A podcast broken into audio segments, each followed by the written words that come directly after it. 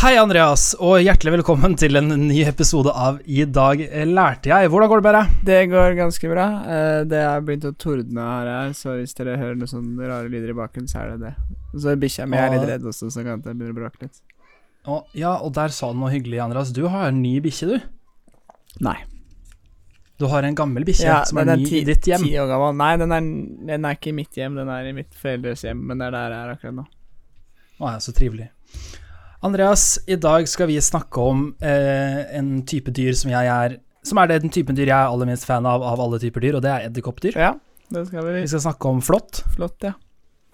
Er, du, er det noen eh, ting du vil tease før vi kjører litt intromusikk og sånn i dag, eller? Nei, vi skal prøve å forholde oss til uh, aktuell vitenskapelig litteratur i den grad det er mulig, og prøve å liksom uh, ja, snakke litt om uh, flått og det problemet det medfører i Norge i dag. Ja. Og hvis noen har lyst til å foreslå en episode til oss eh, for å unngå Agurknytt-sesongen, hvordan gjør de det? Du kan sende en e-post til eh, post at idlj.no, eller eh, gå på Facebook-sida vår, eller på Instagram, idljpodkast, eller eh, gå på nettsiden vår, idlj.no. Burde ikke være så vanskelig, med andre ord. Og da tror jeg vi bare kjører i gang med episode. jeg. Vi kjører flott. Ja, det blir flott.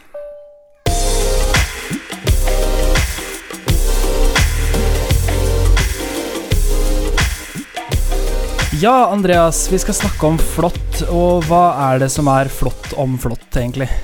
Nei, det er ikke så veldig mye som er flott, da. Det kommer litt an på hva du liker. Hvis du er, som sagt, hvis du er stor fan av um, edderkoppdyr, så er jo det en bra start. Det er jeg da altså ikke. Jeg fikk Nei. grøsninger på ryggen bare ved å lese om flott i dag, så sånn er livet mitt, da. Ja, nei, jeg syns det er eh, litt fascinerende. Jeg liker alle Guds skapninger. Så gitt at de på en måte ikke gjør meg sånn unødvendig sjuk, da.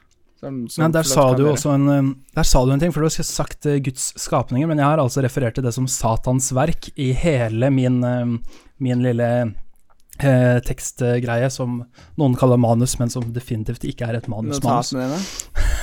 Takk skal du ha. Eh, Ja.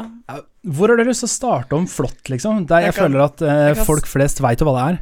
ja, gjør de det? Jeg visste ikke så mye om hva det var, men jeg kan snakke Jeg kan si litt sånn eh, generelt hvor de plasserer seg i dyreriket. Det er jo, um, som du sa, et edderkoppdyr. Um, det er en, egentlig en midd, da. Det som er typisk for edderkoppdyr, er jo da at de har eh, åtte bein, og, i motsetning til seks for insekter, og da ikke antenner, da, typisk. Nei. Eh, så eh, flåtten lever en um, såkalt parasittisk livsstil. Den, Det kan du skrive under på. Ja, den lever primært eh, Eller den lever jo egentlig bare av blod, da. Den spiser eh, eh, Eller drikker blod. Så du, du, altså, den er jo på en måte parasittisk på en måte, men det er jo mange parasitter som på en måte er på verten sin hele tida. Den her er jo egentlig ikke en parasitt mer enn at den er et rovdyr, ville jeg sagt. Den bare, for den, den drikker jo blod, og så gjør den jo Altså, mest, altså mesteparten av livet sitt så gjør den jo ikke Spiser den jo ikke blod, den spiser jo ikke så veldig mange ganger. Det er sant. En eh, flått kan i snitt spise tre ganger i løpet av sin levetid. Ja, og hver gang den spiser, så, så går den inn i neste fase av livet, da, typisk.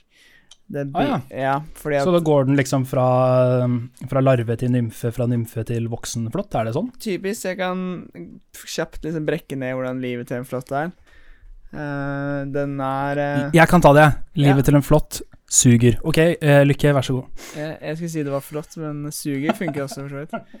Nei, så de har, som, sagt, som du sa, fire livssykluser, eller fire deler av livslivet, da. Den har livsstadier. Den har Først er det et egg.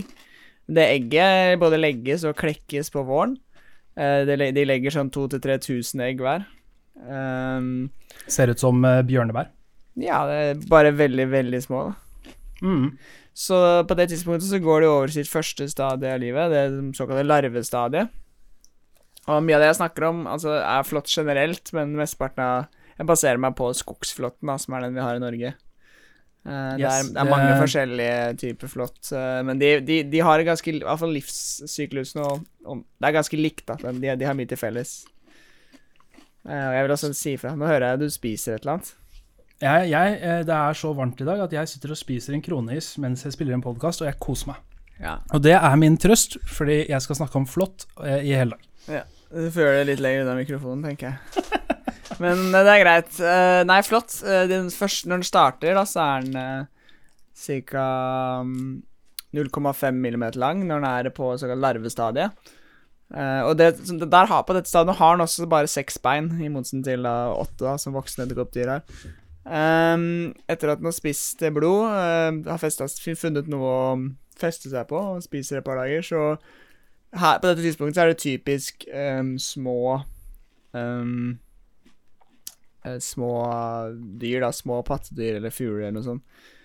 Um, så den fester seg til den og spiser den. Etter et par dager så løsner de, og da har de ofte Da har de vokst, um, fordi de er jo fulle av blod.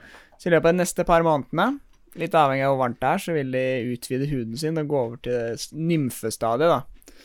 Uh, og på det tidspunktet så begynner det å bli høst, og da overvintrer de gjerne.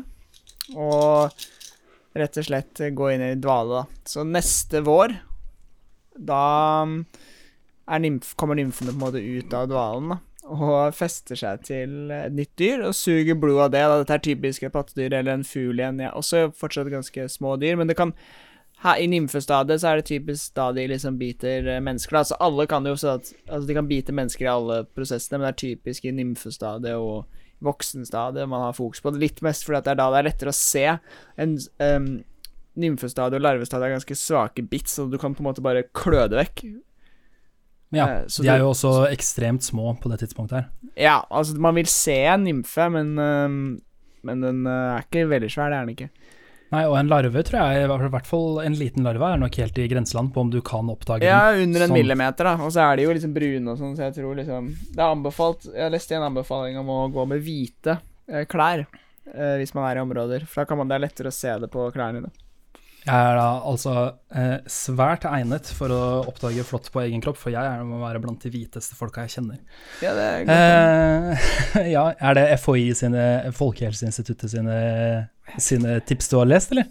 Nei, jeg tror faktisk det kom med Det tror jeg faktisk jeg leste i, i Nature, men jeg er ikke sikker. Ja. Ok! jeg, jeg føler meg litt puslete, for jeg har lest på Folkehelseinstituttet sine sider, og så kommer du med Nature. Kanskje det største og viktigste tidsskriftet. Folkehelse- Folkehelseinstituttet baserer seg på mye av den samme forskningen, så jeg ser referansene.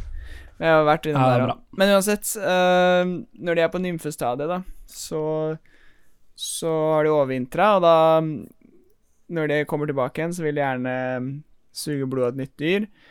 Og når de har spist blod, så øker de størrelsen enda en gang. De blir mye større nå, de begynner å nærme seg voksenstadiet, og så overvintrer de da enda en gang. Så det er først i år tre at de da eh, er liksom fullvoksne, flotte av det. Så skjer det at hundene klatt, begynner å klatre, eh, enten i trær eller kanskje opp i høyt gress. De liker seg veldig godt i høyt gress. Mm. Um, og her, um, her kommer også Hanne opp. Hanne, Hanne drikker ikke like mye blod, men de kommer opp for å pare seg. Eh, så de parer seg oppi eh, der de er, og så venter eh, spesielt hunden da, på et nytt dyr å feste seg til. Her vil hunden liksom suge blod i noen dager og fortsette å vokse. Og her kan, det er her de kan bli veldig store, da, for her kan de ta ganske store volum med blod. I hvert fall i forhold til Ah, ja. si. Og så legger de de kan eh, suge så mye blod at de blir 600 ganger eh, større enn eh, originalstørrelsen sin. Det er helt sjukt. Ja, og det, det er ganske rare bilder. Da ser du, kan du få se hele tarmen og sånn på det bildet. Det er ganske fascinerende. For de er jo nesten gjennomsiktige. Eh, Ja, og dødsekle. mm. Så ja, nei. Så da, når de er ferdige, så legger de egg på nytt, da, og typisk 2000-3000 egg, og så er de vel egentlig ferdig med livet. Og det er livets sirkel, det. Rett og slett. Uh, det, som- så de, det, jeg ble også litt overrasket over at de, at de kun spiser en gang i året. Uh, ikke nødvendigvis Det kan, kan godt hende om de kanskje kan spise mer enn en gang, men så vidt jeg forstår, så virker det som det ikke er en del av livssyklusen deres. Ja, og jeg òg sliter jo litt med å forstå, fordi jeg er jo ikke biolog, selv om jeg syns mye av dette som skjer her er spennende og absolutt ting jeg mener det er verdt å lære om, men sånn overgangen fra larve til nymfe til voksenstadie f.eks., der er litt sånn Skjer det noe metamorfose der? Ja, det er jo definisjonen på en metamorfose, på en måte at eh, de endrer jo på en måte form. De, de utvider jo både De utvider størrelsen sin, og som sagt, fra eh, larve til nymfestadiet så får du jo to ekstra bein også. ja, Så de, en, de, endrer jo da, de endrer jo da på en måte De er jo, på, de er jo, de er jo heller ikke kjønnsmodne, ikke sant? Så før de er voksne, da. Nei, og jeg leste at uh, kjønnsmoden tilstand hos flått flest er uh, tidligst uh, etter at de er et år gamle. Og det er ganske sent til å være invertebrater, hvor en del invertebrater klekker og er, er kjønnsmodne fra, fra første minutt, basically. Mm, nei, jeg, jeg har skrevet en veldig fin setning her som, som jeg syns var så artig skrevet at jeg må bare lese den, for det er en oppsummering av det du nettopp har sagt. ja. Og det er Flått er edderkoppdyr som lever av å suge blod fra pattedyr og fugler. De finnes i følgende stadier. Egg, larve, nymfe og voksen. Akkurat som folk. Voksne hunder suger blod. Voksne hanner finner også, men de suger ikke blod. De er bare ute etter å formere seg. Akkurat som folk. Så vi er ikke så forskjellige som vi først skulle tro. Vi er liksom flåtten, er det det du mener? Ja, jeg syns det. Og så får vi Ah. to ekstra bein når vi kommer ut av larvestadiet. Jeg vet, jeg vet ikke om jeg vil kalle det to ekstra ben, men ett ekstra ben kan jeg gro fram på en god dag. Ja. Det er fint å vite. Ja, ja. Nei, Ah, ja. Nei, flott, ass. man finner det i, i Norge Man finner det jo over hele, hele Europa og, og i Nord-Amerika. Uh, I Norge så er det mest på Sørlandet og langs kysten. da. Det er der man typisk finner det. Man finner det i Man har observert det i store deler av landet, og, og spesielt da i Sør-Norge, men også i Midt-Norge. Men nord for Trondheim, eller nord, i hvert fall nord for Trøndelag, så er det ikke så veldig mye av det. det, det er, kanskje man har funnet det der, men sånn De kommer jo med Mm. fugler og sånn, men de liker seg best liksom når det er liksom temperert klima, ikke for tørt. Litt sånn som det er på Vestlandet. Sørlandet typisk. De liker seg i blandingsskog, sånn bartre, løvtreskog. Og du Ja. finner det typisk i høyt gress. Da. Der kan de det er, det er liksom et bra sted å liksom koble seg på um, pattedyr da, og, og fugler. Ja, for du beskrev det bra i stad. Det er jo sånn at voksne eh, hunder som er ute etter å suge blod, de klitt, klatrer oppover. Opp Ja. på trær og opp på busker, og så til de kommer til eh, eh, tuppen på f.eks. et langt gresstrå. Ja. Eh, de er jo ikke Altså, det, dette er jo insekter, de er jo ikke spesielt smarte skapninger. Er men de har ikke insekter. Beklager. Shit, ass. For en amøbe jeg kan Men- være innimellom. Nei, de Eh, er et men- men de er- en amøbe. De er ikke spesielt smarte skapninger, men de kan eh, kjenne da at de klatrer eh, til tuppen på noe, og der vil de bare henge og dingle til, eh, til et passende dyr eh, beveger seg forbi. Fugl eller i Norge veldig mye hunder og rådyr. Ja. Eh, og og det, jeg mistenker at eh, de har eh, noe sensorer og noe greier for å kjenne etter om ting er riktig. Ja, de, de- kan kjenne vibrasjoner i gresset. Ja, og en annen eh, professor jeg så snakke om flott, sa også at de har en sans, eh, en slags smakssans på eh, føttene. Så når de står der, da, så holder de seg fast med to eller tre eller fire føtter, og så liksom holder de armene ut for å kjenne etter, og så når det kommer noe forbi, så griper de seg fast hvis det er liv i det. Hmm. Føttene deres er veldig fascinerende uansett. De har sånn De har sånn herre um, de, har, de har både klør og noen sånne um, klebende um, felter da, på beinene som kan gjøre at de kan feste seg både på blader og liksom til hud. da, Som kan feste seg til litt forskjellige ting. De er rett og slett veldig gode til å klatre. Ja, og til å bli der. Mm. De Men ja, du har helt rett. eh, Flåtten finnes, eh, eh, finnes faktisk i hele Norge, eller har blitt observert i hele Norge. Veldig, veldig sjelden eh, langt nord, fordi den trives ikke med det. Men det finnes også flått på pingviner. Ja, de, Eh, de er jo langs kysten, er det jo er, Vil det typisk være liksom mulig for flåtten å henge, da. Stort sett. Eh, og det er som du sier, da, flåtten som eh, primært eh, spiser fugl, men også dyr. Eh, de, de, når de mm, er passasjerer da, på disse fuglene, så kan de jo reise fryktelig langt. Ja. Eh, så man har jo observert eh, flåttbestander eh, langt på innlandet i Norge, eh, og da lever den bestanden i sånn to-tre år. Eh, men flått har også en del naturlige predatorer, så, så bestanden forsvinner da når den ikke er i nærheten av kyst eller et, et faktisk egnet sted å, Ja. å befinne seg. Men det finnes jo, og som alltid med edderkoppdyr og, og lignende, så er det den verste varianten finnes i Australia. Ja. Og i Australia så finnes det en uh, flått som eh, vi, skal, vi skal snakke en del om uh, at flått kan uh, overføre infeksjoner og sykdommer. Det er jo derfor de er så fæle, i tillegg til at det gjør vondt å bli bitt. Um, men i Australia så finnes det også en flått som ikke bare kan overføre farlige, farlige eh, stoffer uh, og sykdommer, men den er også selv uh, paralytisk. Altså, du blir bitt av den flåtten, og så opplever du en paralyse, da. Både, og ikke observert så mye mennesker, fordi mennesker er ganske store dyr. Ja. Men i en del mindre klovdyr og sånn, så ser du, spesielt på sau, så ser du at um, de opplever liksom full paralyse fra ett bitt fra en voksen flått. Så den kalles for paralyseflåtten, da. Det, Ja. Og er, eh, den er litt eh, gul og blå. Den ser litt stilig ut, men, eh, men ligger unna. Ja. Ligger unna Australia. Alltid. Det er, det er en fin huskeregel, egentlig. Ja, og så er det en annen fin Hvis man ikke vil huskeregel. møte edderkopper, iallfall. Og så er det en annen huskeregel her, og det er jo at eh, akkurat som i Pokémon, så bør du unngå høyt gress om du ikke er klar for kamp. Ok, da fikk jeg sagt det andre humorpoenget mitt her. Andreas, ja, nå eh, fortsett. brenner jeg av gullet ditt veldig tidlig, merker jeg, men eh, det er greit. Jeg brenner lyset i begge ender. Det er, det er min stil. Den er grei. Uh, nei ehm, Jeg vet ikke, det er jo ikke så mye mer å si om flåtten sånn egentlig. annet som sagt, er, Tusen takk for at dere hørte på i dag. Da runder vi av dagens episode. Nei. Ja, det er ikke så mye mer å si om flåtten sånn rent sånn um, Hvordan de lever, i hvert fall. Sånn i Norge og, og rundt omkring. Um, det finnes jo litt forskjellige typer um, flått, som sagt, men de er De er liksom midd, alle sammen. Ehm, de, vi, vi kan, de, er, de er utviklet for ganske lenge siden. Da. De, er, eh, de er trolig over 100 millioner år gamle. Eller rundt Ja. 100 millioner år gamle. eh, siden de begynte å utvikle seg, da. Det Som betyr jo også Og eh, jeg vet jo også at uh, flått uh, skilles i liksom tre hovedkategorier. Uh, de som har hard kropp, de som har myk kropp, og så én egen art som har fått en tredje kategori, som Ja. er en da u mindre utviklet art av flått. eh, Mm. som, jeg, som, jeg klarte, som jeg klarte å finne utrolig lite informasjon om. Eh, men i Norge så har vi da en sånn eh, hard variant, en skogsflått, Ja. som har et, et ganske hardt ryggparti, selv om eh, partiet som skiller altså hode, kropp og rygg, eh, er ganske vanskelig å, å se Mm. eh, på, denne, på, på midd generelt, men også på norsk skogflåtte.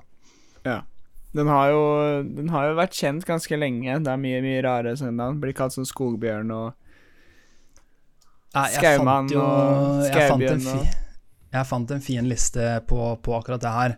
Ja. Eh, men ja, det er jo en sånn kjært barn, mange navn. Men eh, det er jeg ikke enig i. Men ja, skaubjørn, skaumann, skogbjørn, tege, hantik, blodmidd, eh, kinnflått, påte, sugar med mer er alle navn som brukes, men som oftest kalles den bare flått. ja. Det, er, det gjør det jo veldig enklere. Takk til eh, Folkehelseinstituttet for en flott eh, liste. Grunnen til at det altså. er typisk er det man snakker om, er jo også at den er, det er den man kan bli syk av. Ja. Så de Og andre er liksom ikke vi- så alvorlige. Vi burde egentlig snakke om det, for det er jo derfor kanskje det er verdt å snakke om flått. Man kan jo bli syk av flått, men, hvordan og hvorfor? Nei, hvordan er jo Kan jeg begynne med altså den vanligste sykdommen som man snakker om? Da man har litt forskjellige flåttbårne sykdommer. Um, men uh, du, du har blant annet litt sånn um, forskjellige Sånn sko, skogflåttencefalitt uh, og sånn, som er et um, såkalt TBE-viruset. Det, er- det kan gi um, hjernehinnebetennelse og er ganske, ganske dårlig stemning, da. Um, Det er dårlig stemning. Og så er det noe som heter borrelåsinfeksjon, eller uh, borreliose, som jeg syns er litt for vanskelig å si hver gang. Ja, borreliose er typisk den Det er det jeg har lest mest om i dag, og det er, det er den sykdommen det er mest snakk om, eller Lyme disease, som det også kalles.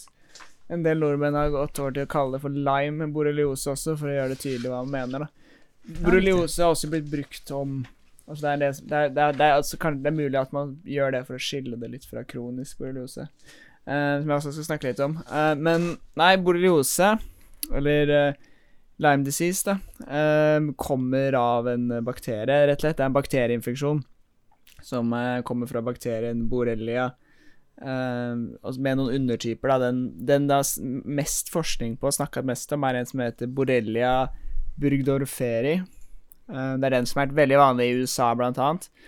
Eh, og, eller i eh, Nord-Amerika, da. Og her i Europa så er det ty typisk borrelia afseli og borrelia garini det er snakk om, da. Men den sykdommen Lyme disease er, er mest kobla opp mot da, denne borrelia uh, burgdorferi, da, mens de andre er, er mer sånn uh, hudsykdommer. Uh, og og du, kan få, du kan få noen andre sykdommer enn de andre, men det er typisk denne borrelia burgdorferi man snakker om når man sier borrelia-bakterien. Ja, riktig. Det en Jeg har, en, eh, jeg har en god fun fact om andre sykdommer etterpå, men jeg, men jeg tar det etterpå. Uh, det, er, det er jo en uh, kan være en ganske alvorlig infeksjon. Men du ser den typisk i, um, i barn, altså 5-15 år, og litt sånn middelaldrende voksne, sånn 45-50 oppover der, er typisk de som får det. da Om det er fordi det er de som er mest ute i skogen, kan det argumenteres for. I hvert fall barna De Er mye ute og løper mye rundt ute uten, å helt følge med. Uh, og det, det, er typisk i juni og juli, da. Det er da man pleier å få de infeksjonene. Og da er nymfene på en måte i Spiser nymfene, da. Det er, de er typisk de som smitter. Men igjen, du kan bli smitta av alle andre. Og det som er interessant å forstå, som, som ikke alle nødvendigvis forstår, er jo at det er ikke sånn at den bakterien er inni For den bakterien vil ikke Så vidt jeg forstår, så vet, tror jeg ikke den overlever inni, inni eggene. Så man, det er ikke sånn at alle de bare er født med med bakterien. Det er ikke alle som har, har bakterien i det hele tatt. Altså sånn Det er forskjellige tall på det, men jeg har sett alt fra sånn 20% til 40% til 5 Men det er en betydelig andel av disse um, skogflottene som bærer den, disse borrelia-bakteriene, i hvert fall.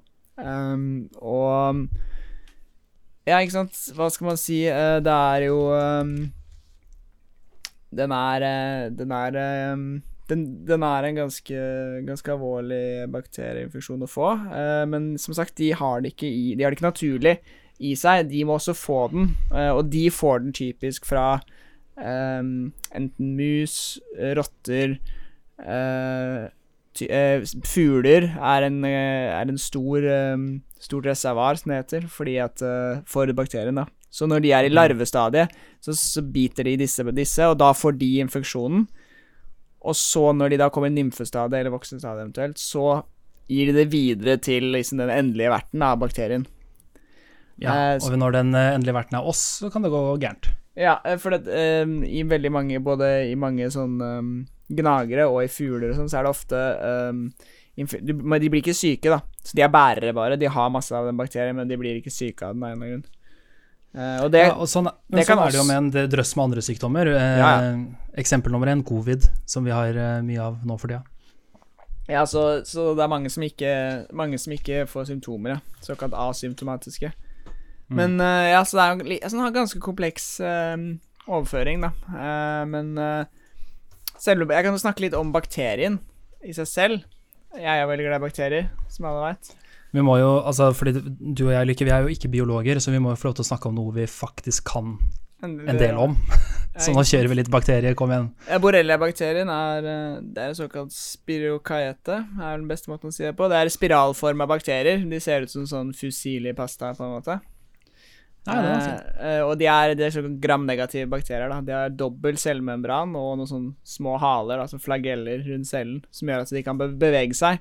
Uh, de har sånn, noe som heter kjemotaksi. Det vil si at, hvis, at de, vil, de blir tiltrukket av noen kjemiske stoffer da, som de vil da trekke mot. Da kan de bevege seg i den retningen. Noen, mange bakterier har en eller annen form for taksi.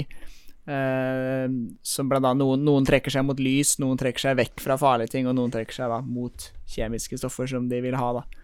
Mm. Uh, det er en um, den er litt sånn spesiell eh, bakterie. Den har eh, For det første så har den jo et kromosom, eh, der hvor på en måte mange av genene ligger, men den har også mange såkalte plasmider, som er egentlig bare små blir liksom et minikromosom da, med liksom andre gener, og det er veldig forskjellig fra art til art, så de har en del ekstra gener, og mange tror at det kan ha noe med hvorfor det kan være litt vanskelig å ta knekken på dem, og hvorfor det ofte Altså, man ser ganske stor variasjon i sykdomsforløpet. Eh, om det er både de amerikanske eh, stammene gir ofte andre symptomer eh, enn de europeiske, og ikke bare det internt i USA også, så ser man fra nord til sør så ser man at det typisk er andre sykdommer man får. da. Og mange tror kanskje det kan ha noe med det at Um, ja, for at En ting er kromosomet til en bakterie er vanskelig å på en måte endre, da endrer du på en måte bakterien, men det, de ekstragenene det er på en måte noe som er lettere å på en måte skifte ut. da, Og du kan også gi disse genene til hverandre ved, ved nærkontakt, da, disse bakteriene. Så det Og det er jo det er en bra overlevelsesmekanisme. Ja, å ha, et, uh, å ha et, uh, et, arsenal av ekstra gener som du kan gi mm. Eller la uttrykke seg ved behov. Det er jo typisk, ja. typisk sånn antibiotikaresistens blir spredd også, ut, uten sammenligning for øvrig. Um, det blir spredd via noe jeg tror du ville likt. Det blir spredd via en sånn sexpilus, som det heter. Hvor de, de, på en mm. måte Det er en av de få gangene bakterier liksom De kobler seg sammen og overfører ting til hverandre. Du kjenner meg så godt, Andreas. Mm.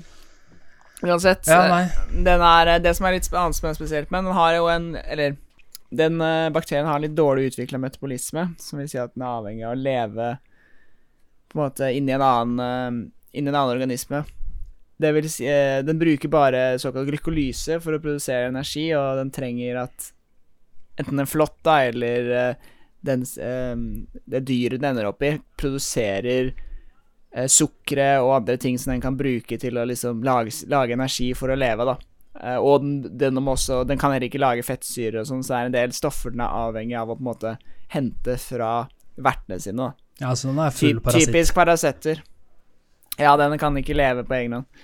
Eh, og Ja, så den har jo to på en måte eh, måter å være på, da. Altså når den er inni flåtten, så er den leveren eh, på, på et, et sett, da. Og så når den kommer da til eh, et pattedyr, eller en, eh, typisk, så endrer den seg, og det er liksom det er ganske interessant. Det er to ting da med akkurat flåtten som gjør at den kan At den kan spre seg så bra. For det første så er det jo eh, Flåttene biter ganske dypt. De har et sterkt bitt Åh, eh, som, gjør, som gjør at du får til, ganske nær tilgang til blodårer, som gjør det liksom Veien inn i, i blodet er ganske mye kortere enn hvis du for skulle gått via et uh, Via huden for øvrig, da, eller prøvd å Det er en veldig effektiv måte å komme seg inn i blodet på, hvor, det er, hvor de liker seg.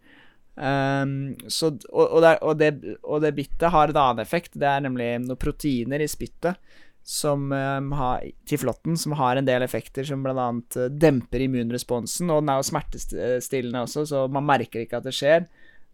Og da kroppen din får da en, en mindre re respons da, enn den ville gjort ellers, som gjør at bakterien kan komme seg litt sånn inn bakveien, på en måte. Og den merker det her, her eh, ved mm, Når den er inne i Inne i flåtten, så vil den kjenne at eh, Altså, du vil kjenne at det er noen endringer når du begynner å spise, for da endrer jo pH-en seg, temperaturen kan typisk gå opp, og en del andre ting som tyder på at her er det blod, da. Og da kan den bruke Da, da endrer den hele formen sin, og så gjør den seg på en måte tilpassa et dyr i stedet, og så går den inn i dyret. Vent, var dette flåtten eller bakterien? Bakterien. Bakterien, ja. ja nettopp. Ja, fordi eh, bakterien som er skummel Bakterien som til syvende og sist er den som er skummel for mennesker, lever i flåtten, men eh, pumpes ut av flåtten når flåtten suger blod inn, ikke sant? Ja, eller, ja, eller den blir tiltrukket av um, den, blir, den, den, den blir tiltrukket av liksom blod, da, som klarer å bevege seg i retning eh, kroppen. Ja, riktig. Ja, jeg har jo noen helt forferdelige ting om, om flåttens fysiologi, altså hvordan den ser ut og hvordan den faktisk eh, penetrerer huden for å suge blod, Ja, men hvordan gjør den det? ah, nei. eh, grøsser, eh, grøsser advarsel her, fordi da jeg leste det her, det her satt jeg med frysninger på ryggen da jeg gjorde research hjemme, det syns jeg var ekkelt. Spisedelene er en nål, eller eh, også kalt en harpun, eh, som ser ut som en vanlig nål som du ville tatt en blodprøve med, bortsett fra at den har sånn mothaker over hele nåla. Eh, I tillegg til å ha Litt som en en fiskekrok, nesten. ja, som, som, en, eh, som en fiskekrok har helt på tuppen. Sånne har den Ja. nedover hele nålen. Ja. I tillegg til å ha Åh, fy faen. I tillegg til å ha den harpunen, så har den også to kniver eh, som kun har funksjon å være mothake og anker. Så Ja. når, flotten, når en voksen flått biter et voksent menneske, så merker du det. Eh, jeg har blitt bitt tre ganger i mitt semivoksne liv, eh, for jeg var veldig mye ute i skogen da jeg var barn. Eh, men jeg ble bitt en gang som 18-åring, og det, da merka jeg, det- jeg det med en gang.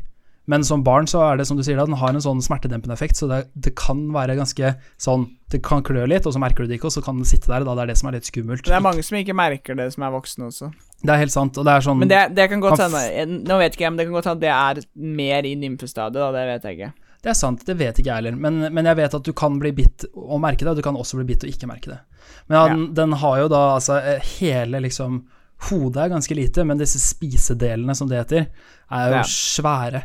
Eh, og denne harpunen med sine to ekstra kniver med mottaker sørger for at, eh, sørger for at flåtten kan sitte svært godt ankra. Eh, Mm. og, jeg, og jeg tenker at kanskje det er lurt at vi tar med noen tips om hvordan man kan bli kvitt også. Eh, fordi flått er jo, i tillegg til eh, boreolis, eh, så er jo flått bærer av ja. I tillegg til det så er flått bærer av andre farlige sykdommer også, så eh, det er, kan være greit å ta noen forhåndsregler hvis man, hvis man er spesielt eh, redd. Ja. Så i, i det du kan gjøre, er å ta sokkene utenfor buksa eh, og vise frem de flotteste strømpene du eier. Eh, og så kan du smøre sokkene med myggmiddel eller em, insektmiddel. Du, det fins egne flåttmidler også. Ja, og jeg leste litt om det, fordi jeg ble jo plutselig, som kjemiker, så er jo det er jo min jam. Hva er det som Ja. fungerer i insektspray? Eh, og det er veldig mange insektsprayer som fungerer både på mygg og på midd. Eh, altså De fleste som selges i norske butikker i dag, er testa og funker. Eh, det som skiller de fra hverandre, er ofte hvor lenge de har effekt. Men uansett, Mm. eh, sokker utapå buksa, smør sokkene, eh, for det er der de finner veien inn, som regel. Eh, unngå høyt gress eh, hvis du ikke er klar for kamp. Og så eh, kommer det som jeg har Ja, eller hvis du ikke har på deg liksom eh, lang, lange bukser da, og sokker. Da Ja. er altså, det er jo det eneste eh, Du kan jo risikere at det fester seg sånn på buksene dine, da. Men uh, det er jo ikke like stort problem. På Nei, måte, I hvert fall ikke hvis du har litt kontroll når du tar det av deg. Ja, og så vil jo jeg si da, som, som, som bitt av flått tre ganger eh, jeg, jeg, jeg vil jo ikke på en måte si at man burde unngå å gå i skogen. Det burde man ikke, men man burde sjekke seg når man kommer hjem.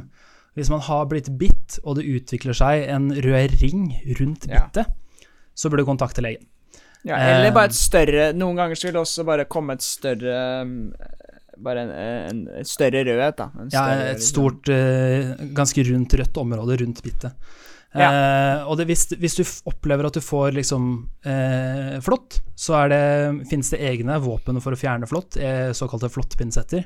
Hvis ikke du eier Ja. en flåttpinsett, eh, så er det som ofte kan skje, er at du eh, river bakenden av flåtten fra forkroppen, uten Ja. å ta flåttens anker ut av huden. Så det, det man må gjøre, er jo å Eh, da, jeg, da jeg var ung, så lærte vi å bruke neglene helt nede Ja. liksom ved, ved ankeret. Så dypt inn du kommer. Du må klype din egen hud ganske hardt, og så rive av. Mm. Men, eh, men hvis du har en fin pinsett som er ganske tynn i enden, så kan du også føre den inn helt ved flåttens hode. Klype, hud, klype din egen hud ganske hardt, og så rive ut. Noen det- steder har man til og med sånn som man skal vri, men det virker som man har gått vekk fra. Ja, fordi det som jeg tror ofte kan skje der, at uh, igjen, du ødelegger flåttens kropp, så flåtten kanskje dør, Ja. men så har du da uh, kanskje et munnparti sittende fast i din egen hud etterpå. Mm, Men munn, det skal sies at det å ha munnparti sittende fast er ikke nødvendigvis noe stort problem.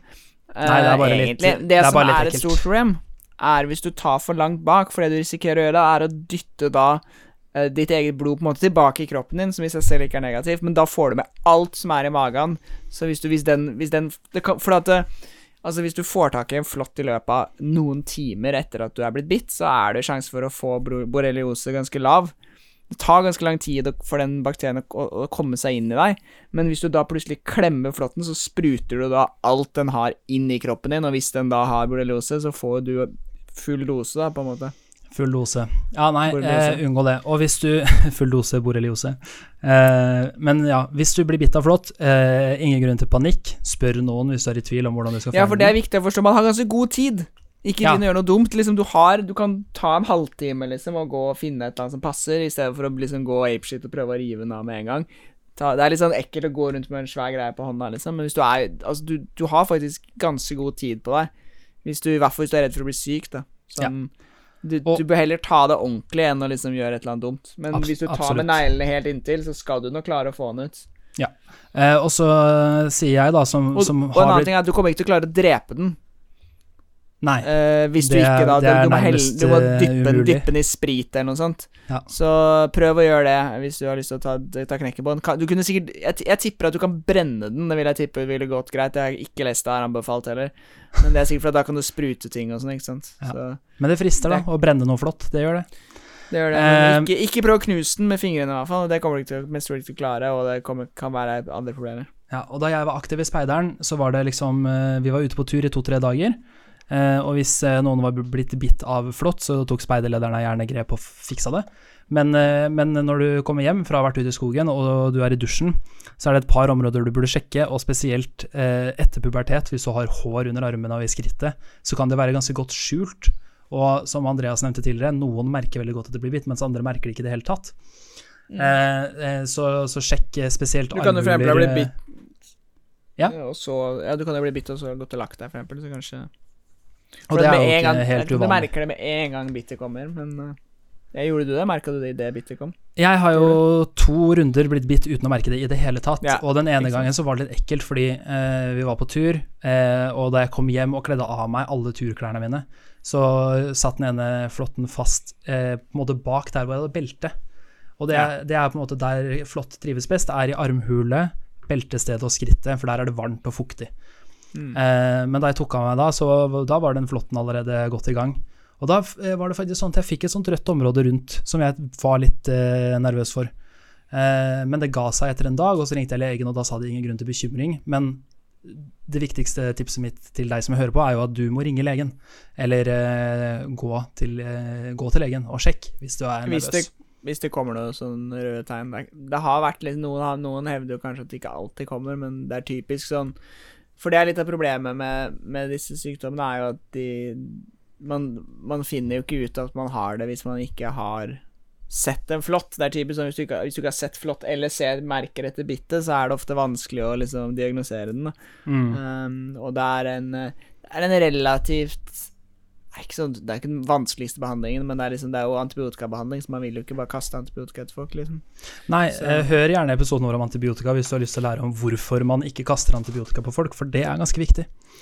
Ja. Uh, jeg, jeg kommer tilbake til det snart, faktisk, um, i denne episoden. Så bra. Jeg har en, jeg har en helt annen ting jeg vil si om flått, fordi eh, Må jo slenge inn noen fun facts eller facts innimellom her òg. Flått er det dyret som eh, Eller er det liksom eh, skadedyret som er dyrest eh, for, eh, for kvegebønder. Eh, så, det, så det forskes ganske mye på hvordan kan man unngå at flått biter kveget ditt, eller eh, kyra dine, kuene, for dere som ikke henger med på lingoen. Eh, så det er litt artig. Flåtten er altså kjempedyr å bli kvitt, og man forsker på det. Og en av de tingene som man har kommet ganske langt med, er å bruke eh, en egen art av veps som heter flåttveps. Ja. Eh, som, som er en effektiv måte å bli kvitt flåtten på. Fordi selv om flåtten Åh, jeg klør på leggene. Selv om flåtten er, eh, er satans verk, så finnes det jo enda sjukere ting der ute.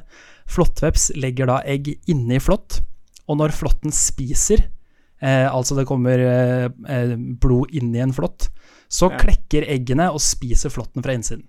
Så eh, det er på en måte Det er Guds revansj, da. Men For, da har eh, masse, for da har du masse veps, da, men de spiser de bare flått? Uh, det, det virker sånn at denne vepsen eh, er liksom flåttens uh, bane, men ikke så kjipt for folk. Men, men, for men veps eh, kan jo også være Veps kan også være skummelt. Men veps eh, kan jo også pollinere på en god dag, så man vil jo ha litt av det òg. Men ja, eh, det er jo en annen ting da med denne flåtten, fordi man kan jo eh, pådra seg en del sykdommer fordi, eh, fordi flåtten pumper sykdommen rett inn i kroppen din. Men det er en annen veldig artig greie som kan foregå, og det er, jeg sier artig, men det er helt forferdelig. Du kan bli allergisk mot rødt kjøtt hvis du blir bitt Ja. av flått. Ikke i Eh, Norge, da. ikke i Norge, men det går an, og det som skjer er at eh, eh, flått, som har spist på, på kveg og andre dyr, får i seg et, eh, et sukkermolekyl som ikke er en av eh, sukkermolekylene vår kropp skal ha i seg, i utgangspunktet. Altså, den skal ikke eksistere i kroppen, den skal bare komme inn i kroppen via munnen, ikke fra andre steder. Så når immunforsvaret oppdager at hei, her er den flott, og den pumper skitt inn i kroppen vår, annet denne, eh, dette karbohydratet, dette sukkermolekylet, som vi ikke skal ha, så, så aktiveres immunforsvaret for det karbohydratet, uansett hva slags måte du får i deg på, så, så du kan oppleve å bli syk av å spise rødt kjøtt fordi en flått injiserte karbohydrat i deg. Det syns jeg er litt kult, fordi flåtten anses som en sykdom fra immunforsvaret sin side. Og alt Mm. som kommer fra den infeksjonen, anses da som farlig. Som er litt spennende. Mm. Nei, det er jo Ja, men det, for å liksom snakke litt videre om, om, om borreliose, som er hovedsykdommen, da, så er det Den er eh, Altså, den sykdommen vi snakker mest om, den er um, er, den er en, en ganske alvorlig sykdom. Ganske mange som får det. Eh, ganske mange i Norge som får det hvert år. Men det, det er også en av de sykdommene som kan, et, så vidt jeg forsto eh, Noen er asymptomatiske, noen får infeksjonen eh, og ikke utvikler borreliose. da. Selv om de har antistoffer. Det er ganske mange, jeg tror jeg leste et sted at det var opptil 10-30% hadde antistoffer mot borreliose i områder eh, hvor, eh, hvor det er mye flått. Det vil si at de har på en måte eh, kicka det på egen hånd. Og det er, en, det er en infeksjon som i utgangspunktet skal gå over, eh, men man behandler det man behandler det med antibiotika eh, etter utgangspunktet to uker, eller eh, litt lengre hvis det er eh, hvis det er mer alvorlig. Det kan ha ganske mange forskjellige tegn. Det er typisk sånn Du kan ha Du kan få sånn um, leddgikt. Det er ganske vanlig. Spesielt i de amerikanske variantene så er leddgikt et veldig vanlig symptom. da uh, Men denne går jo da også over etter hvert. Men hvis du har det veldig lenge, så kan det også Noen mener at det kan føre til um, sånn kronisk leddgikt, altså senere. Altså sånn vanlig leddgikt, sånn at man får når man blir eldre. Sånn degenerativ leddgikt. At det kan komme av at man har hatt det så lenge pga. da uh, borrelia-leddgikt. Um, I Norge mm. så er det, er det mer typiske symptomer er um, er at man blir man, kan, man, kan, få hudirritasjoner, selvsagt. Um, men man har også um, i, hvis, hvis, du tar det tidlig, da Hvis du tar det Hvis du tar det tidlig, så blir um, Så kan man, eh, kan man, slippe å gå Det er såkalt stadie 1, 2 og 3, på en måte. Hvis man tar det i første stadie, så kan man risikere Kan det bli ikke så alvorlig, da. Men hvis det, hvis det sprer seg til blod og sånn, så blir det en større uh, større, større problem. Da, da kan du få smerter. Altså du, får, du blir stiv i nakken og skuldra og armene, og du kan få eh, diverse la andre lammelser. Du kan få an ansiktslammelse, for. Nesten litt sånn slagaktig. Um, og leddsmerter, da. Du kan få hevelser i leddene også, og um, Ja, du, du, kan få um, du, Det er typisk sånn smerter, da. Sånn, det er veldig vanlig. Og, og, og, så kan det bli Du kan også få liksom hjerne Litt sånn hjerne... Hva heter det? Um, Hjernehinnebetennelse? Hjernesymptomer. Ja, hjernehinnebetennelse får du typisk en annen, men du får sånn Du kan begynne å få, bli, få hodepiner og konsentrasjonsvansker og sånn. Eh, ja. I, I, såkalt stadium 3, da. Det, sånn, det, kan komme da måneder eller år etter eh, smitten. Hvis du ikke har fått behandling ennå. Eh, og så kommer vi eh, så, så, så, så, symptomene er mange, og det er alltid litt sånn Uh, det, det, er iallfall sånn man vil ikke ha borreliose hvis man kan unngå det. Så hvis legen finner det, så får du antibiotika. Uh, typisk penicillin, faktisk. En god gammel antibiotika. For å ta det. Så det er ikke egentlig en så veldig robust bakterie. Men problemet sagt er at noen ganger så kan um, symptomene være ganske svake, så det kan ta ganske lang tid før de kicker. Før du merker det. Kanskje du, kanskje du er Ja, kanskje du er en person som har litt vondt i leddene fra før av, så kanskje liksom du ikke merker noe særlig til det, og så plutselig så er du litt senere ute i sykdommen, da. Det er ikke dødelig. Ingen har dødd Jeg så vidt jeg har forstått, ingen har dødd av borreliose. Folk har dødd av hjernehinnebetennelse og sånn, men folk har ikke dødd av borreliose. Uh, det er, men det er jo, altså, en ting er jo hva som er dødelig, en annen ting er jo hva som gjør livet forferdelig. Kjipt. Ja. Så her kommer det en del interessante nå, nå, går vi inn i Jeg skal bare si Nå går vi inn i litt sånn interessant del av dette her som jeg vil gjerne snakke en del om. Endelig, 45 minutter ute i sendinga, så blir det interessant. Ja, nå blir det interessant. Fordi jeg er klar det er et par problemer Altså, det har jo vært snakk en del Jeg vet ikke om du, du er gammel nok til å huske det, men for, eh, for, noen år siden så var det veldig mye snakk om, eh, om eh, borreliose i Norge. Ja, jeg husker det. fordi det er to, to, grunner til det. Er en del folk som får ettervirkninger etter at de har vært syke. Men én ting som er, som er, kjent, er at man kan få ettervirkninger av behandlingen. Det er ikke helt uhørt i noen medisinske behandlinger. Uh, og er ikke, ikke sånn spesielt uh, usedvanlig, da. Um, og der, der, er det Det kan være mange ting, og det kan vare en god stund også. Um, det, er, det, er, det er mange som kan få Som kan, som kan få um, symptomer eh, som varer da etter behandlingen. Og, og, og, og, så er det Så her er det også litt sånn krangling om det du merker da. Er det da du, Er du fortsatt investert, eller er det en effekt av behandlingen? Altså leger eh, Altså den såkalte eh, aksepterte legevitenskapen mener her at dette det, det, man da merker, er mest trolig etterdønninger av behandlingen, da, altså av en antibiotikakuren. Um, litt sånn De har gjort noen tester på det, og de har ikke klart å, liksom, har ikke klart å finne ut at At det er noe mer av det uh, i de som har um, De som har blitt behandla mot liksom kontrollgruppene. Så Så, så sånn sett har man ikke klart hvert fall å bevise at det kommer av behandlingen. Men eh, enda mer kontroversielt er jo da eh, såkalt kronisk borreliose.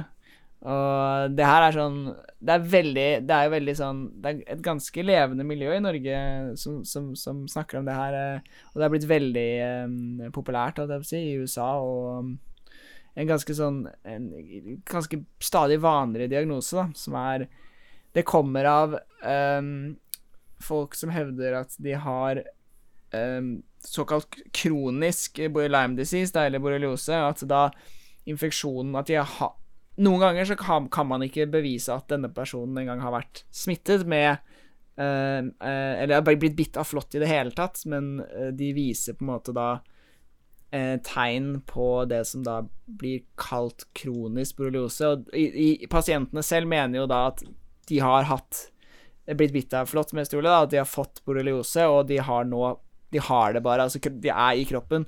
Problemet er bare at det er veldig vanskelig å bevise, fordi at man finner ikke nødvendigvis noe mer antistoffer i, i, i, i, alle her enn man gjør i resten av befolkningen. Så den, den liksom, såkalte aksepterte legevitenskapen eh, har egentlig ikke godkjent det som en diagnose, i hvert fall ikke i Norge. Eh, mens det er veldig mange som går rundt og sier de har det. Altså Sånn som Lars Monsen hevder jo at han har hatt det. Jeg tror han har blitt bedre. Jeg er ikke helt sikker på om han er helt frisk ennå, men han, han, hadde det i hvert fall ganske alvorlig en periode. Og typisk her er folk som får litt sånn ME-lignende symptomer. Kan ofte være det er typisk sånn um, smerter. Og de, de, kan ha ingen energi. De kan ligge liksom i senga i ukevis. Og ingen helt vet hva det er. da, Ikke helt ulikt uh, ME på den måten, og ikke helt ulikt ME i det at man vet ikke helt verken hva det kommer av, eller hva som forårsaker det. Nei, jeg mener som, hvordan man fikser det. Um, og, og, dette er jo superkontroversielt. Dette er sånn at folk som, har vært folk som har vært skeptiske til det, har jo fått liksom alvorlige trusler, og de er veldig, de er veldig, veldig sånn på, da. Altså lime.no, som er nettsiden deres, er jo um, Det er jo da Foreningen for folk med borreliose i Norge har veldig mye er veldig, var veldig aktiv i media spesielt i perioder. og dette er jo helt åpenbart folk er jo åpenbart syke, så det er jo noe som foregår her. Så spørsmålet har vært Det har jo vært en del forskning på det, men det har ennå ikke vært noe skikkelig mainstream forskning. Altså da mener jeg sånn toppforskning. Og det er jo såpass mye i media at man Jeg er ganske sikker på at det forskes på, men det har ikke vært noe sånn skikkelig mainstream top level forskning som har sagt at At de har klart å bevise at dette her kommer av en en tidligere borreliosevaksine, selv om Nei, vaksine, sier jeg. En tidligere borrelioseinfeksjon. Um, selv om da uh, det fins altså veldig uh, følsomme tester som uh, da vil finne uh, borreliose i disse pasientene. Det, en ting jeg syns var veldig fascinerende, da, bare var at For det har vært liksom snakk om at det er nesten som Noen mener at det er nesten en aktiv konspirasjon fra legesiden om å prøve å undergrave denne diagnosen bare fordi de ikke klarer å finne ut. Men det jeg syns er rart, er at dette er en veldig sjelden situasjon hvor de som mener at det er en konspirasjon eh, Den siden er den som selger eh, produkter. Altså sånn Det er en veldig stor Det er en ganske stor industri rundt det å diagnosere og kurere, eller i hvert fall behandle med antibiotika eh, kronisk borreliose. Eh, men de som på en måte tjener penger på det De tjener jo penger på det, for så vidt. De mener at det er en konspirasjon mot dem av staten, som da ikke tjener penger på det. Uh, som er ganske spesielt, for vanligvis så vil du jo tro at ok, de som lager legemidlene, har, har liksom gjort det. ja. Men de som har lager på en måte kuren, hevder at de som ikke vil godkjenne det, på en måte er, er på et eller annet vis konspirerer mot dem. Jeg, jeg, jeg, har ikke helt forstått den konspirasjonen, jeg har ikke satt meg helt inn i det, men Nei, men det kan jo Bare veldig kjapt så kan det høres ut som at de som lager kuren, eh, ville på en måte ha trolig da tjent mer penger hvis ikke det var en konspirasjon Nei, men mest trolig så ville det jo kanskje Ja, jeg vet ikke. Det, I hvert fall poenget mitt er at det er jo helt åpenbart en, en ekte sykdom, disse folkene her. Dette er jo folk som er som sagt veldig alvorlig syke og ikke klarer å få gjort noen ting. Uh, men allikevel, så I Norge så, behand, så, så, så gjenkjenner man egentlig ikke dette som en, en sykdom, og, og, og, generelt i den vitenskapelige litteraturen så har man ikke klart å liksom finne et skikkelig sterkt ordentlig bevis for at dette her er noe som forekommer, i hvert fall i så store tall, da, for det er en annen ting også, at det er ganske mange mennesker som har dette her. Dette her er, det, dette her er ikke liksom Det er ikke ti stykker som har det, liksom. Dette er ikke Dette er en utbredt diagnose. Eh, spesielt da i USA, hvor det begynner å bli veldig utbredt. Ganske mange kjendiser som har det. hm. eh, I USA. Eh, blant annet, uh, hvem var det? Hun Lena Dunham fra Girls. Uh, disse Hadid-søstrene, og, og moren, tror jeg.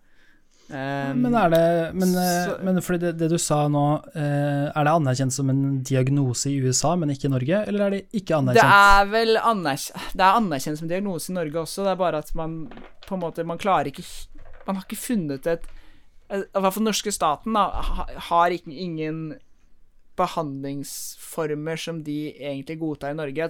Behandlingen som jeg vet en del har brukt, har vært veldig langvarige antibiotikakurer.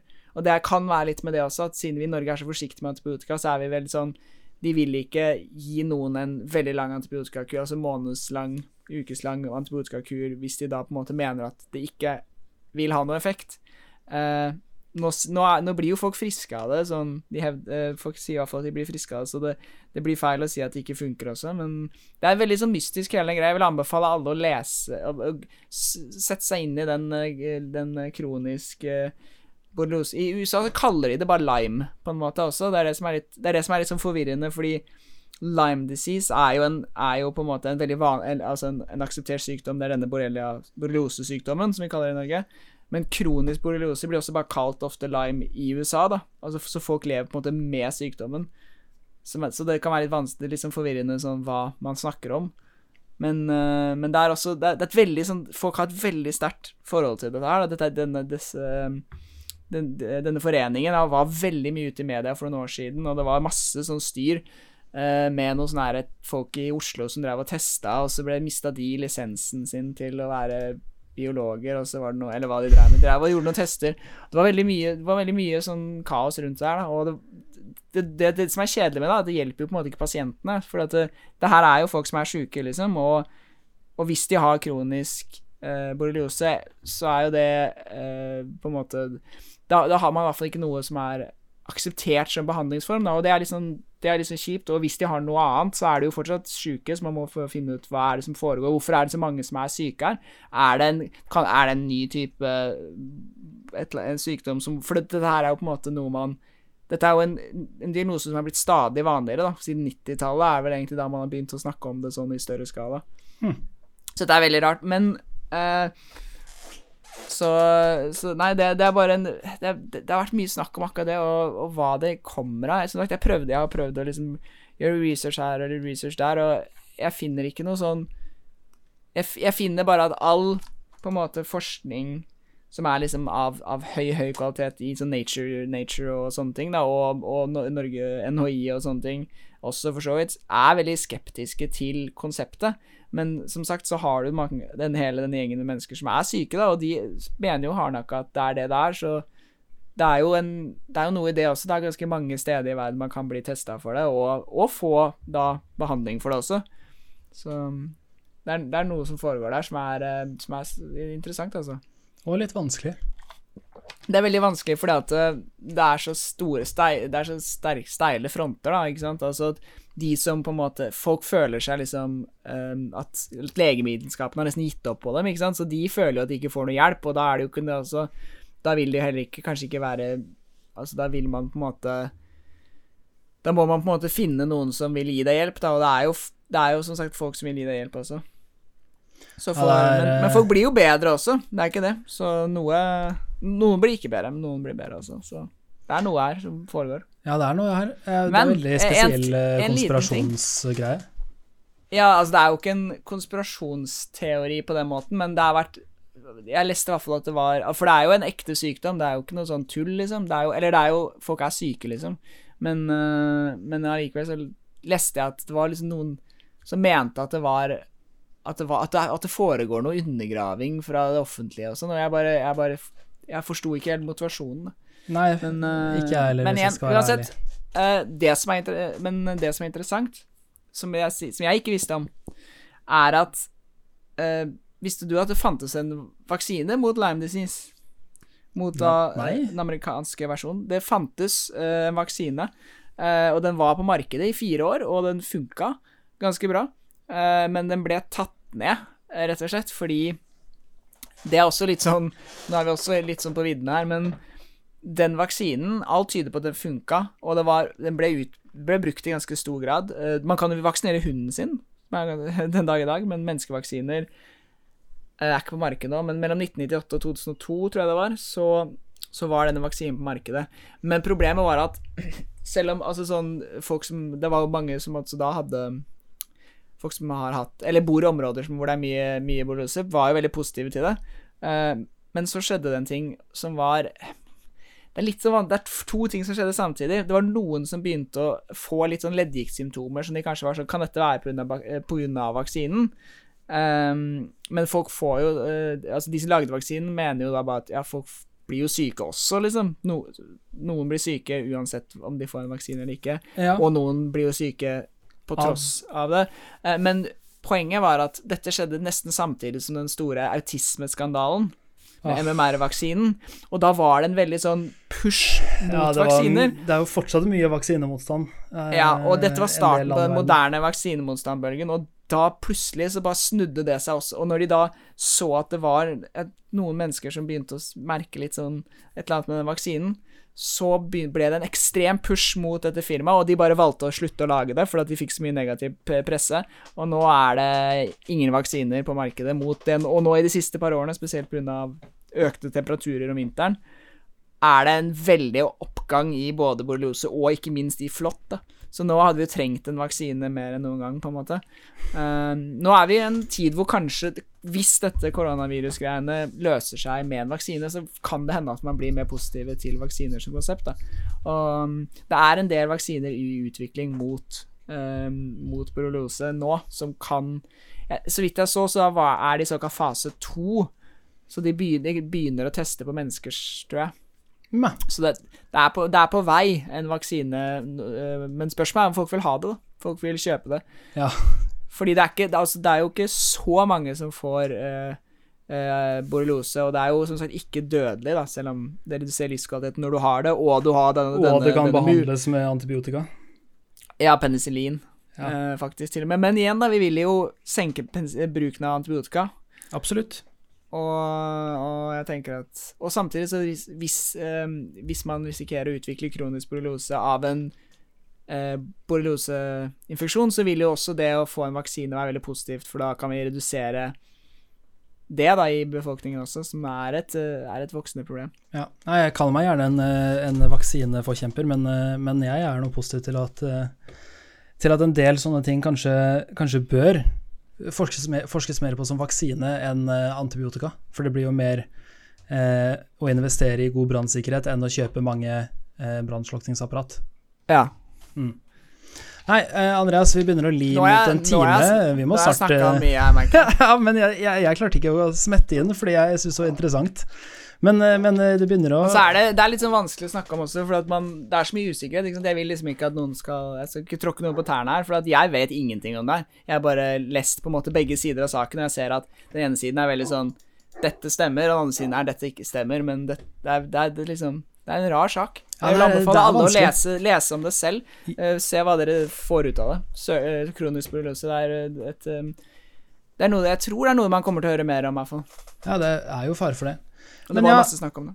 Det jo Det minner meg også om eh, IBS, Irritable Bowel Syndrome, som heller ikke er anerkjent som en Er ikke eh, det diagno- anerkjent? er ikke en diagnose, det er en Oi. tilstand eh, som samboeren min har, da, så det er veldig vanskelig.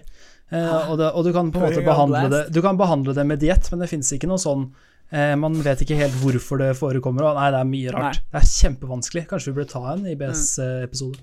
Ja, eller, ja. Og ME, da, ikke minst, som også har Som også er noe som man er litt sånn Det er et spørsmålstegn rundt, da. Ja, fordi vi tok jo den eh, liksom spesielle og sjeldne sykdommer, men, eh, men vi burde kanskje ta noen eh, overraskende vanlige sykdommer også. Mm. Ok, Andreas, eh, vi burde runde av dagens episode fordi jeg er dødsvarm. Eh, har du lært noe ja. nytt i dag, eller? Jeg har lært eh, ganske mye nytt. Jeg må innrømme at jeg kunne ikke så mye om, om verken flått eller borrelia. Eh, så jeg lærte egentlig Jeg, jeg, det, jeg likte at det var interessant at den hadde veldig mange plasmider i genomet sitt.